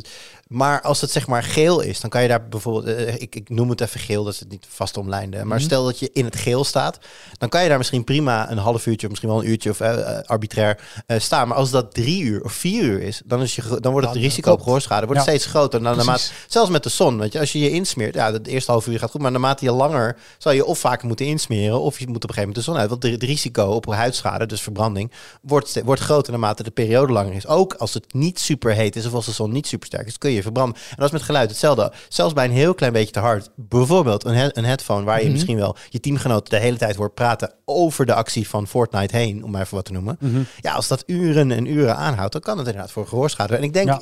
ik, nou, ik durf mijn hand wel voor in het vuur te steken dat dat best een onderbelicht eh, onderdeel is van gehoorschade. Als, je gehoorschade. als ik aan gehoorschade denk, dan denk ik aan grote festivals en concerten en Ja. inderdaad kroegen waar ik met mensen Ja. probeer te praten over de muziek heen. Ja. En dat ik, als ik geen oordopjes in, op s'avonds in bed lig, dan suizen mijn oren. Ja. Dat, dat, is hoe, dat, is, dat is de associatie die je maakt. Maar inderdaad, de- als je gewoon een hele dag hebt zitten gamen met een headset op je hoofd. En misschien heb jij wel, ik kan dat niet, dan gaan mijn oren op een gegeven moment gewoon gloeien van, ik hou niet van headset. Maar misschien heb jij wel een hele goede, lekkere headset die je inderdaad de hele dag probleemloos op je hoofd kan houden. Ja, dan is dit best iets om, eh, om rekening mee te houden. Ja. Heb je wel eens na het gamen last gehad van eh, zuizende oren of eh, zo'n piep? Nee, dat niet. Gelukkig niet. Nee. En ik, ik, ik, ja, bij mij is het een beetje 50-50. Ik, soms game ik met headset op, soms niet. Eh, en Nou, jij dus dan moet je wel. Dat moet ik wel inderdaad. Ja, ja. Maar ja, dan zorg ik er gewoon voor dat ik hem niet te hard zet, zodat ik er geen last van krijg. Precies. Het, eh, het punt wat ik onder andere nog even wilde maken, maar wat, wat je een beetje hebt, hebt weggenomen, was dus inderdaad. Ja, maakt niet uit. Sorry. maakt niet uit, maakt niet uit. Dat wa- was dus inderdaad dat ik heb uiteraard ook, eh want jij hebt er ook een artikel over geschreven, Arnoud. En eh, van alle artikelen die ik langs heb zien komen op het wereldwijde web, eh, web was die van jou inderdaad gewoon het genuanceerst. Waar Oh, gewoon, je. eh, precies wat je, wat je eigenlijk net zei. Dat is dus hetgeen wat, ja, wat, wat gewoon goed naar voren kwam in dat artikel. En dat miste ik bij heel veel andere artikelen die heel veel niet-tweakers lezen. Ik zal geen namen noemen, maar het, eh, ja, dat, en dat, dat was vooral hetgeen wat mij, wat mij stoorde. Want eh, heel veel andere artikelen koppen Ja. het gewoon als van gamen word je doof. Het sluit natuurlijk aan, dat gaf, zo erg. gaf je aan het begin al, het sluit natuurlijk aan bij een, eh, bij een irritatiepunt dat leeft bij veel mensen die actief zijn in gaming. Namelijk dat gaming Ja. al heel snel aangewezen wordt als een zondebok. Er hoeft maar, eh, zelfs rond, zelfs rond de, de aankondiging van GTA 6 werd er alweer gezegd van, oh ja, GTA 6, dat is de, de- GTA, oh ja, dat is die game waar mensen agressief van worden. Of weet je wel, er wordt, er wordt de, de, de hoogtepunten worden heel vaak eh, in een bepaald kader neergezet, waarbij de vraagtekens worden gezet rond verslaving, rond, rond het aanzetten tot geweld, dat soort Ja. dingen. En eh, dat doen we niet bij, bij grote films of bij, bij, bij, Nee. bij muziek of wat dan ook, maar gaming blijft als cultuurvorm, als entertainmentvorm altijd synoniem eh, voor inderdaad de problematiek die er omheen bestaat. En die is er heus wel. Maar dat betekent niet dat je iedere keer dat je hè, die pieken hebt, de, de Horizons, de GTA's, als het daar eventjes een keer over mag gaan in de mainstream media, dat er Mhm. daar meteen weer een, een, een, een, ja, een, een mits of een maar bij, eh, bij eh, geplaatst moet worden. Wat we ook niet doen bij als er een keer een nieuwe Star Wars film of, Nee. of, of nou ja, goed, eh, Barbie, Oppenheimer, noemt allemaal maar op. Dat doen we, Ja, dat doen we daar ook niet bij. Hier is En- een nieuwe Tesla. Wist je trouwens dat er heel veel ongelukken gebeuren in het verkeer? ja, Nou ja, inderdaad. de, de elektrische auto's hebben die. de- de- dat is een beetje vergelijkbaar. Ik denk best dat er best wel veel mensen zijn die veel weten over elektrische auto's, die helemaal krankzinnig worden van het feit dat het iedere keer weer gaat over accubranden. Mhm. Terwijl dat in de praktijk maar heel erg weinig voorkomt. Eh, dat lijkt er wel een beetje op. Maar goed, in dat licht bezien snap ik wel dat, dat je dan een beetje triggert op dit. Van, van Ja, gamen word je doof. Ah, gamen goed. heeft het weer een keer gedaan. Maar ik moet wel zeggen, ik vind dit, wat ik net al zei, ik vind dit wel een ander dingetje. Ik vind best dat we hier af en toe even aandacht aan mogen besteden. Of in ieder geval even mogen noemen van, joh, denk na als je Nou, de dat- hele dat dag sowieso. zit te gamen.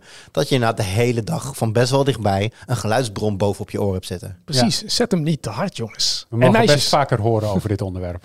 Ja, Ja, zolang, zolang, we, inderdaad. zolang we het nog kunnen. Daarover gesproken, want ik zag eh, op de CS zijn er ook een paar eh, gamingproducten voor kinderen aangekondigd. Volgens mij was het Cooler Master dat dat deed, of was het een andere fabrikant? Ik weet niet helemaal zeker. In ieder geval, er waren een paar, eh, ja, wat was het ook weer? Een hele kleine controller, maar dus ook eh, headsets. En dan zie je wel vaak dat dat soort producten een soort maximum hebben, een ingebouwd maximum. Ja. Ook puur Ja. ja. ja, om te voorkomen inderdaad dat je ook al op jonge leeftijd die, die schade oploopt. Dus ik denk wel in die zin dat fabrikanten er ja, misschien wat aandacht voor hebben, maar misschien dat die niet voldoende is. En dat zoiets ook, want dat, dat vind ik wel jammer. Er is eigenlijk geen methode om, als je eh, natuurlijk een koptelefoon eenmaal op hebt, eh, om dan te zien of die eigenlijk te hard staat. Kijk, Apple, volgens mij Apple heeft wel zoiets dat je soort eh, eh, overzicht kunt krijgen van hoe hard je geluid heeft gestaan de afgelopen week. Maar dat werkt volgens mij alleen als je ook echt een Apple koptelefoon gebruikt. Maar als ik gewoon een, ja, een willekeur koptelefoon op heb, nou ja, Windows volumeregeling 21, ja, oké, is Ja. dat dan te Ja. hard? Of, Ik vind wel... Ga maar. Oh ja, nou, dat, ik heb wel inderdaad dat. eh, ik ben toevallig weer gamefoons aan het, eh, aan het, aan het testen nu. Mm. Eh, dat je inderdaad wel hebt dat als je gewoon aan het gamen bent en je, en je wil je volume wat harder zetten en je komt tot eh, een bepaald punt dat hij denkt dat het te hard is, dat je wel elke keer een waarschuwing krijgt van Ja. hè, je gaat daar wel overheen. Weet Ja. je zeker dat je verder wil gaan? Oké, en dan kun je natuurlijk heel makkelijk zeggen ja, dat wil ik, laat me met rust. ja, Ja. Dan kun je hem alsnog lekker te hard zetten. Ja, of je houdt daar rekening mee. Je denkt, oh ja, misschien moet ik hem toch maar Ik heb even... letterlijk nog nooit in mijn leven naar die waarschuwing geluisterd, volgens mij. Altijd, als ik eroverheen wil, ga ik eroverheen. Ja. Maar maar heb ik geluisterd? zelf gewoon niet. Oh, Ja, maar ik vind wel dat je over begint. Eh, we hebben natuurlijk vaker hier wel gehad over, eh, over de, de AirPods en dat soort dingetjes. En dat die altijd mee we hebben discussies gehad over of het wel of niet eh, sociaal acceptabel is om die dingen in te houden bij gesprekken. Die, de huidige jonge generatie loopt de hele dag met die dingen in, eh, in hun oor. Dus als je, dit, als, je, als je die wetenschap even naast dit onderwerp legt, ja, dan snap Ja, ik best wel dat. Dat kan twee kanten op. Ehm, ten eerste, ja, ze kunnen de hele dag muziek afspelen op hoog volume, als ze dat willen. Ze kunnen ook de noise cancelling gebruiken en daardoor de, de, de, de, de geluiden die uit hun omgeving komen dempen.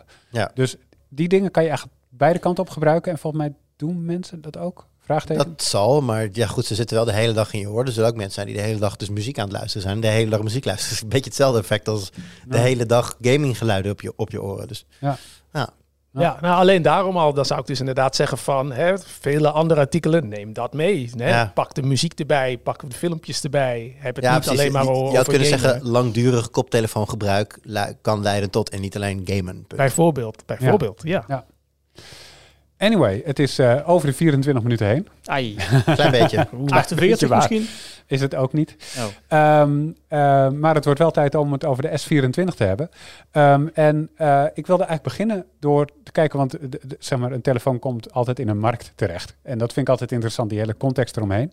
En Samsung zit nu op een andere positie dan de afgelopen 13 jaar. Ja, Want, eh, zo hoorden we deze week, het is niet langer de marktleider op smartphonegebied. Van wie hoorde je dat? IDC en Canalys, Canalys, hoe spreek je dat uit? De analistenbureaus die eh, uitrekenen hoeveel telefoons geleverd zijn eh, door een bepaalde fabrikant in een bepaald jaar. En daar kwam voor het eerst sinds 2011 een andere marktleider uit, want Samsung was het sinds die tijd. Ehm, en de- de- ja, dat is wel, zeg maar, voelden jullie al dit aankomen? Heeft, heeft Samsung afgelopen jaar echt meer concurrentie gekregen van alle kanten, denk je? Ehm, ik denk niet zozeer meer concurrentie. Ik denk dezelfde concurrentie in combinatie met een andere trend die, eh, die gaande is. Mhm. Eh, van wat ik onder andere heb, heb gelezen, maar ook om me heen zie. En dat is dat eh, veel, ja, veel jongeren allemaal een iPhone willen. Hmm, ja. En, eh, en eh, zich daar heel erg door laten beïnvloeden. Zo erg dat ik eh, bijvoorbeeld alleen al in onze familie eh, jengelende neefjes en nichtjes heb gehoord die een fantastisch super deluxe eh, krachtig Android apparaat hebben waarmee ze de mooiste Ja. dingen kunnen doen. Nou, Maar de rest van de klas heeft een iPhone, dus zij willen ook een iPhone. is Punt. kan het zijn dat het gat in prijs tussen de iPhones en de toplaag Androids kleiner geworden is, waardoor je bij twijfel misschien wel eerder, als je eigenlijk altijd al gedacht hebt van ja, iPhone wil ik maar, is zo duur, ik doe al Android. Als dat gat kleiner wordt, kan ik me voorstellen dat er meer mensen de sprong naar iPhone maken. Maar dit, dit, ik heb geen idee of dat waar is. Dat zou ook nog kunnen. Ik heb dat niet zo. eh, dat is mij verder niet opgevallen of dat het zoiets gaande is. Misschien dat jij Ja, daar iets van misschien bij de, in de high-end categorie wel natuurlijk. Ja, we Ja, wel dus dat die zo- prijzen dichter bij elkaar liggen inderdaad. Maar Ja. dat mensen ook daadwerkelijk daarom die andere keus maken. Ja, dat lijkt me dan een logische conclusie. Op het moment dat de, de, de, de, de high-end Androids duurder worden en, Ja. en naar de iPhones, dan zullen er meer mensen naar iPhone springen dan dat anders het geval was geweest. Zullen er niet minder worden omdat het gat kleiner is geworden, zeg maar. Dus Ja. Nee, niet, niet dat is minder. een ik soort van logische conclusie. Ik weet niet hoeveel er zijn. Maar er zijn vast mensen die om die reden dan toch voor iPhone kiezen als het gat in prijs niet meer zo groot is. Ja. Ja, ik ben En- benieuwd. En dan heb je ook nog het effect, eh Friso, dat eh, dit niet meer de enige high-end telefoons van Samsung zijn sinds een paar jaar. Maar die vouwbare dingen worden steeds belangrijker. Ik heb het idee dat Samsung steeds meer aandacht besteedt aan vooral de flip. Ja, nou, Eh, ik denk dat Samsung wel eh, nog marktleider is op het gebied van vouwbare telefoons. ja. Zo. Maar ja, dat Ja. zal... eh, nou, ik wil niet zeggen drie man en een paardenkop. Maar ja, dat is natuurlijk nog steeds een heel klein... Noem je Jasper eh, nou een paardenkop? Zo. Oh, sorry Jasper. Heftig. Onze social media redacteur heeft er natuurlijk een. Asociaal, Ja. ja. ik ben ook de asociaal redacteur Heb je natuurlijk. deze even voor social, eh, Stijn? Niet de sociaal redacteur. Maar dat is 3, 4 procent van de markt inderdaad. Dus eh, dat is Ja. nog vrij weinig. Ja, ja, ja. Ja. Dus eh, ja, waar, waar, waar wil je naartoe? Is dat iets wat... eh, nou, hoeveel aandacht besteedt Samsung nog aan zijn Galaxy S-serie als ze zoveel aandacht hebben voor die flips en die folds? Nou ja, met, met bedoel, ik heb ze nog niet zelf eh, mogen bekijken, maar wat ik in ieder geval heb gezien aan de hand eh, van jouw filmpjes die je daar hebt gemaakt, eh want Donovan, jij bent wel geweest en ja, gewoon aan de hand van al het andere wat ik ook heb gezien, zit inderdaad niet zo heel veel vernieuwing meer in in die, in die, die Galaxy S-telefoons. Ehm, dus ja, die, Ja. die, die, misschien die, die, die, die flip en die fold dan, dat zijn wel toestellen waar je ook gewoon veel mars op kunt pakken, waar Ja. dan in die zin de aandacht naar moet uitgaan. Omdat ja, de normale smartphone een beetje uitontwikkeld raakt. Ja, ja, dat is natuurlijk een sentiment wat we al een paar jaar horen. Maar het is En- dus, ja, Oh ja, wat ik ook nog wil zeggen, eh, kijk, dat is misschien nog wel iets waar Samsung zich wel kan onderscheiden van de iPhone eh, en ook andere Android-makers. Tenminste, tot het moment dat Apple besluit dat foldables bestaan, dan is het ineens van, wauw jongens, er zijn foldables. Eh, volgens mij valt je mic een beetje Ja. weg. Ja, ja maar ik valt een beetje weg. Moet je even aan rommelen. Ehm, maar Donovan, ik wilde vragen. de- Samsung is dus dan een, een fabrikant nu, zeg maar, onder druk. Ehm, merk je dat bij zo'n S24-presentatie? Denk je dan, oh ja, dit is duidelijk een fabrikant die nu een stapje harder moet zetten? Want ja, afgelopen jaren deden ze de S-serie, heb ik het idee, toch wel een beetje op cruise control. Eh, ik het is mij niet opgevallen dat ze nu een stapje harder hebben gezet. Ik had het idee dat ze net zo hard eh, rennen als, eh, als dat ze de voorgaande keren deden. Ik had, niet, ik, ik had niet het idee dat ze zoiets hadden van, of dat er een gevoel achter zat van, Ja. oh shit, we moeten Geen brandende vast... urgentie. nee, precies. Nou, nog niet misschien. Want ze zijn natuurlijk nu net die positie van marktleider kwijtgeraakt. Ja. Wat je vaak wel ziet, is dat de, de- uiteindelijk de jager grotere stappen gaat zetten dan de nummer 1. Ja. Dus, dus wellicht dat het feit dat dat nu zo gekanteld is voor de komende jaar, maar dat gaat niet, dat gaat niet over een paar weken of maanden natuurlijk. Dat is iets wat je eventueel over een langere periode gaat zien. Ik denk dat misschien de, de, de, de vouwbare telefoons daar al wel een heel goed eh, Ja. ijzer in het vuur eh, is voor, eh, voor Samsung. En Ja. er is natuurlijk één element waar je aan kan draaien vlak voor de release. Op het moment dat je erachter komt dat je je positie wil verbeteren. En dat is de prijs.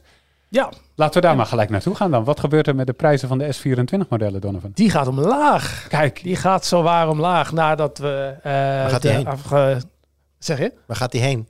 Eh 50 euro naar beneden. Oké, ja, dat- Ja, ja oké. Het is niet, eh niet, niet niet maar toch ook niet niks. Nee, precies. En ehm, ik moet zeggen, aan de ene kant, want ik, ik zou daar heel enthousiast over moeten zijn, maar aan de andere kant denk ik, denk ik eerder zoiets van, nou, eh, dat, eh, dat, is, dat is misschien maar beter ook, want, vorig, want de voorgaande jaren zijn die dingen natuurlijk alleen maar duurder geworden. Ja. Hm. Dus dan vind ik het altijd wel een beetje zoiets van, eh, Sigaar uit eigen doos. ja, precies. ja. Dus, eh, dus ja, nee, ik bedoel, wat Arnoud dat- zegt klopt natuurlijk wel. Hè. Zij hebben natuurlijk gewoon waarschijnlijk alle, waarschijnlijk hebben zij gewoon letterlijk een, een matrix voor, voor hun neus waarin gewoon staat zoveel euro eh, goedkoper is zoveel meer telefoons verkocht en dan ja, een beetje fout marge, maar dat dus inderdaad, ik, dat, dit zal alvast de eerste reacties zijn op, eh, op dat eh, die verandering in de markt. En het viel me op dat Samsung niet de enige is. Er zijn wel, ik heb al meerdere fabrikanten gezien die eh, hun toestellen eh, ehm, dit jaar eh, gaan uitbrengen voor een iets lagere prijs. Oké. Dus eh, ik denk dat, het, eh, dat dat een manier gaat zijn om eh, mensen toch weer een beetje te poren van koop toch Ja. weer een nieuwe. Ja, Een markt in beweging, daar zie je dat aan. Zo. En ehm, waar Samsung het ook veel over had, is AI. Al een paar maanden zelfs. nou origineel. Natuurlijk. Hoor je, Ja. hoor je nergens nu. Het is, eh, dat is een beetje het ding, Jur. Dat- is wel het sentiment wat, wat je veel terug hoort in, in onze reacties vaak. Mensen halen de schouders op over AI. Ehm, eh, heb je het idee dat dat telefoons gaat verkopen voor Samsung? Nou, ik, ik, ik denk niet dat mensen hem per se gaan kopen voor de AI. Ik denk dat heel veel mensen erin staan, zoals wat Jur eerder zei, uh, deze podcast. Uh, mensen kopen een telefoon, het zit erop en dan denken ze, oh, ik ga het gebruiken. En als het handig Ja. is, blijven ze het Ja. gebruiken. En als het niet handig is of als het tegenvalt, nou dan eh, gebruiken ze het niet of dan schakelen ze het uit. En dat, eh, Ja, de use case moeten zichzelf nog gaan ontwikkelen en die moeten zichzelf nog gaan bewijzen. Kijk, ik, als jij mij nu vertelt van, joh, over vijf jaar doe je niets meer zonder AI. Over alle, in alles wat je doet zit straks AI verwerkt. Dan zeg ik, oh ja, dat geloof ik meteen. Ja, Maar hoe dat dan daadwerkelijk gaat werken en welke taken het me gaat helpen en wat er dan precies allemaal sneller gaat en makkelijker gaat, zie ik op dit moment nog niet helemaal vormen. Dus dat, dat moet zich. Dus daarom denk ik ook als eh, de vraag die je nu stelt, gaan ze hierom meer telefoons kopen? Dat denk ik nu nog niet. Mhm. Maar, op, het, maar ik denk wel dat het onderdeel is van een proces waarin wij met z'n allen gewoon stapje voor stapje gaan leren hoe AI in mobiele, op mobiele apparaten ons kan gaan helpen. En Ja. ik denk zelf dat ze dat zelf ook nog aan het uitvinden zijn. Ja, en ik denk ook dat het een, zeg maar, een e- element is van. Het is niet waarom je een telefoon koopt. Maar als je een telefoon zou presenteren als de Galaxy S en het zit er niet in, dat ze het idee hebben dat ze wat missen. Ja. Denk je dat dat zo is? Dat, dat denk ik wel inderdaad, omdat heel veel andere fabrikanten die doen het wel. En eh, Qualcomm heeft natuurlijk eh, eerder dit jaar de, de, de, de Snapdragon 8 Gen 3 eh, aangekondigd. Die natuurlijk hè, veel betere eh, AI-functies heeft, die wel 98% sneller is eh, en krachtiger is dan... eh, dan eh, het, het, het voorgaande model. En eh, ik, ook daarbij zie ik dat heel veel andere fabrikanten eh, hè, die functies eh, gaan benutten. Eh, soms niet allemaal. Dat is ook nog een ding. Blijkbaar eh, kun- kunnen ze kiezen welke van die AI-functies eh, wel eh, gaan gebruiken of welke niet. En eh, Samsung lijkt eh, bijna alles aangevinkt te hebben eh, daarin. Ja. Al moet ik daarbij wel zeggen, dat viel me dan ook wel op, dat een deel van die functies dan niet op het toestel zelf wordt gedaan, terwijl eh, de Qualcomm dat wel zou moeten kunnen. Mhm. Maar dat ze dat dan gaan doen eh, via de cloud. Dus dat... eh, Ja, maar hier maak je de denkfout.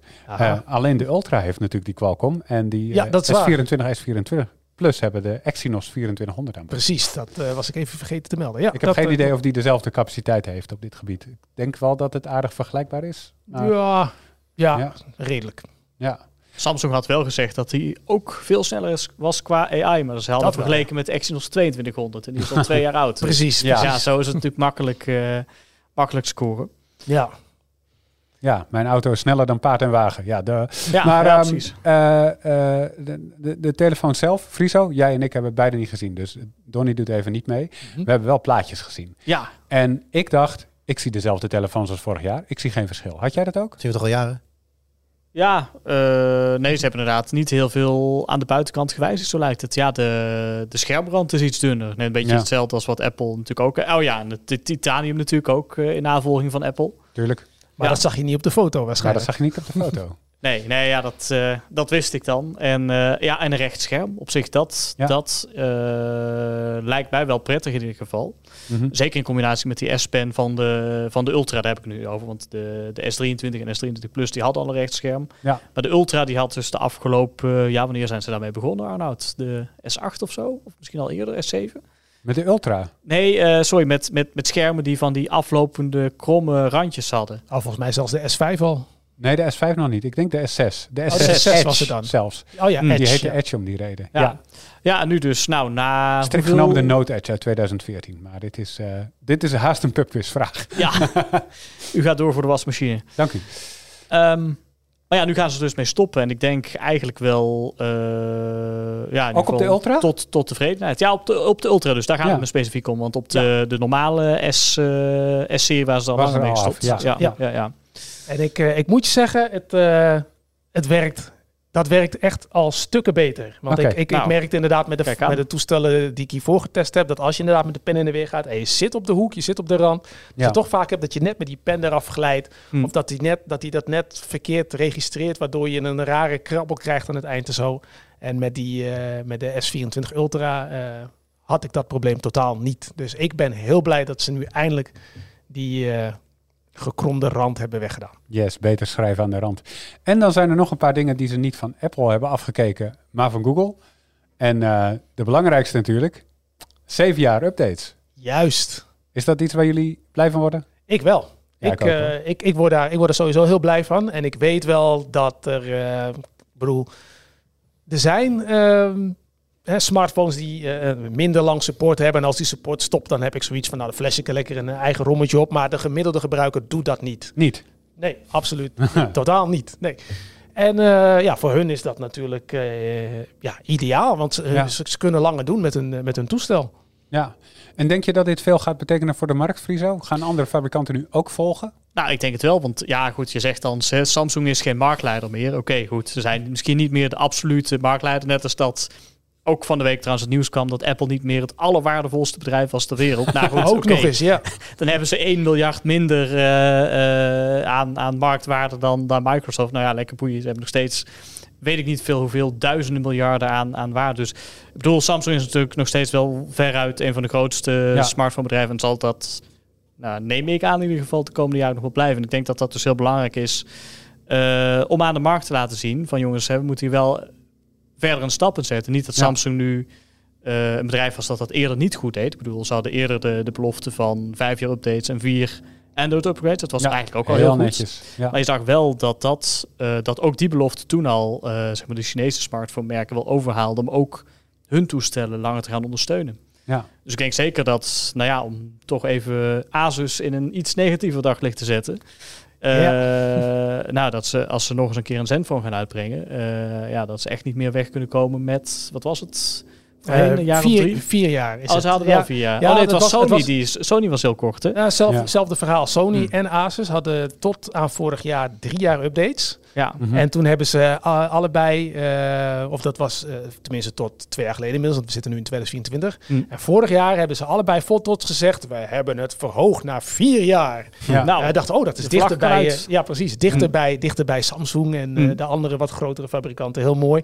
Maar ja, nu in vergelijking met de zeven jaar van Google, van Samsung, en heb je Ja. natuurlijk ook de Fairphone die zelfs de tien jaar eh, wil eh, aantikken. Ja? Ja, van dat... Oh, dat heb eh, ik nog niet eens gehoord. oh Ja. ja. nee, dat is inderdaad eh, het ding. Tien jaar lang. eh, Ze beloven acht jaar en ze mikken op tien jaar. Dat ja, was, eh, dat, dat is het ding inderdaad. Ja, Ja. ja. ja dan, dan voelt die vier jaar opeens toch wel nog steeds heel erg mager.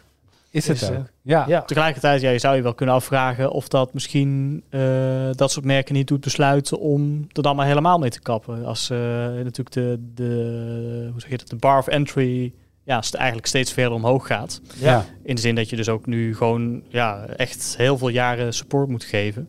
Ja. ja, dat, Dat- is natuurlijk dat- ook niet goedkoop uiteindelijk.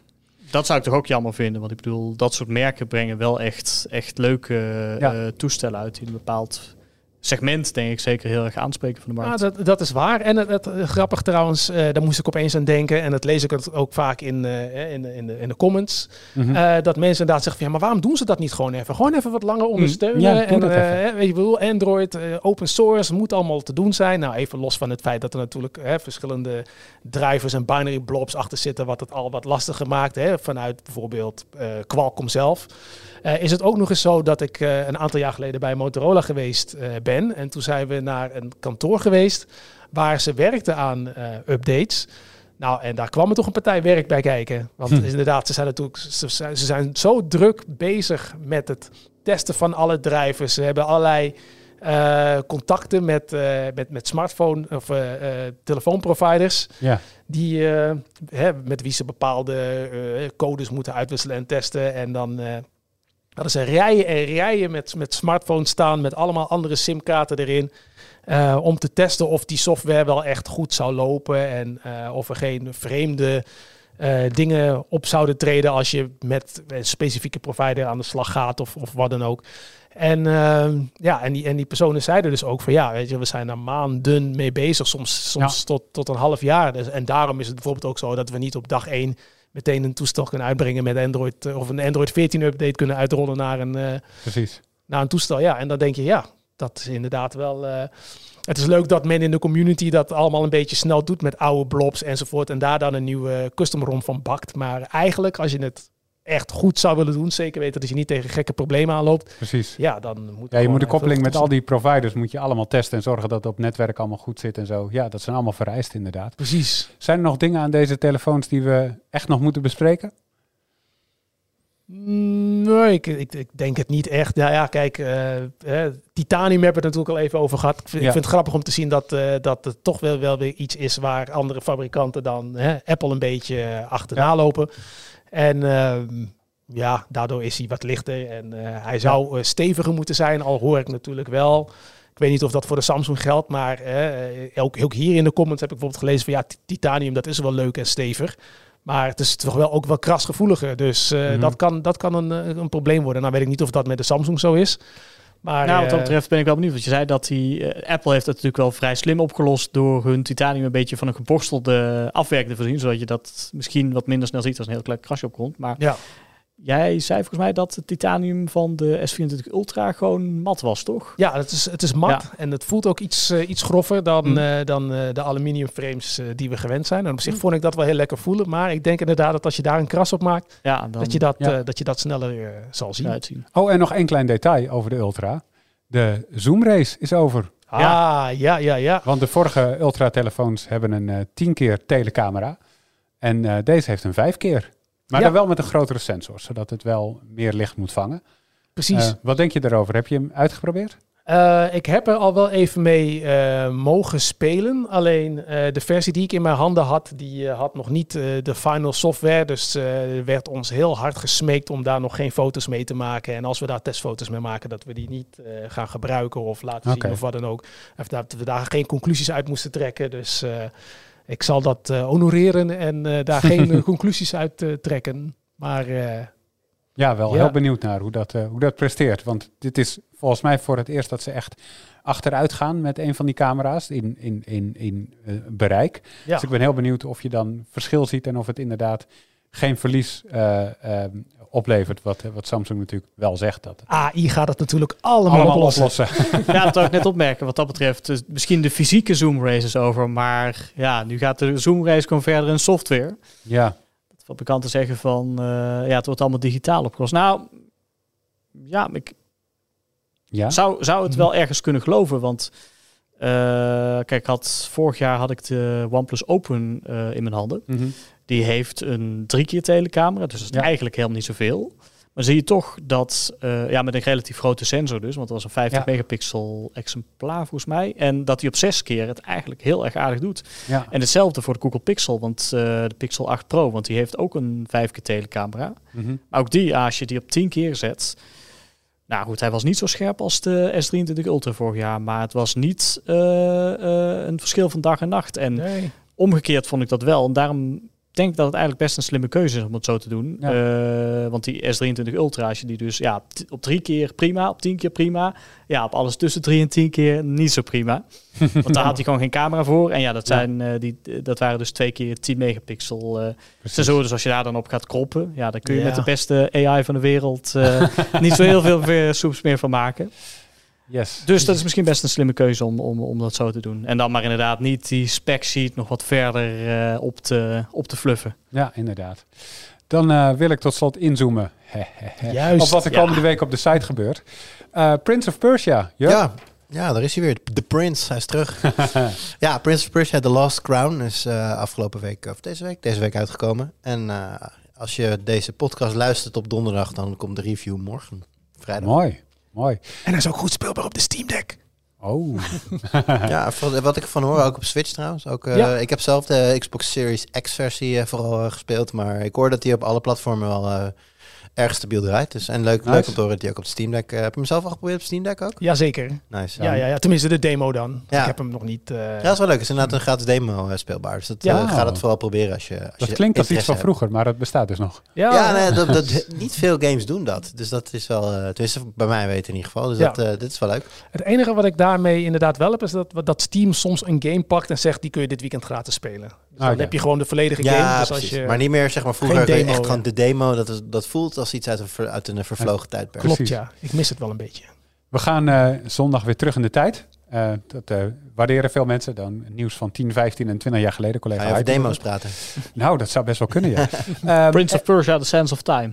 Juist. Eh, ja, ja, ja. Mooi. Heel goed, 2010 heel goed. zo? Ja. Ja, Ja. mooi. En eh, ik heb een verhaal klaarstaan over AI en auteursrecht. Daar is natuurlijk veel om te doen. Ehm, er gaat allemaal data in. Mag dat zomaar? Mag je teksten waar auteursrecht op, eh, op leunt, mag je dat gebruiken voor het trainen van een groot taalmodel? Dat is een Wall Street Journal in een notendop, toch dit? Ja, en als het eruit komt, eh, bij wie ligt dan het auteursrecht en waar ligt die grens daarvan? Dus dat zijn dingen die allemaal komende week op de site gaan gebeuren. Rest maar om jullie te bedanken. Dankjewel voor deze week. Reacties kun je achterlaten onder de Punt Geek op YouTube. En je kan ook mailen, podcast.tweakers.net. Tot volgende week. Zegt er nou niemand doei? Nee, blijkbaar niet.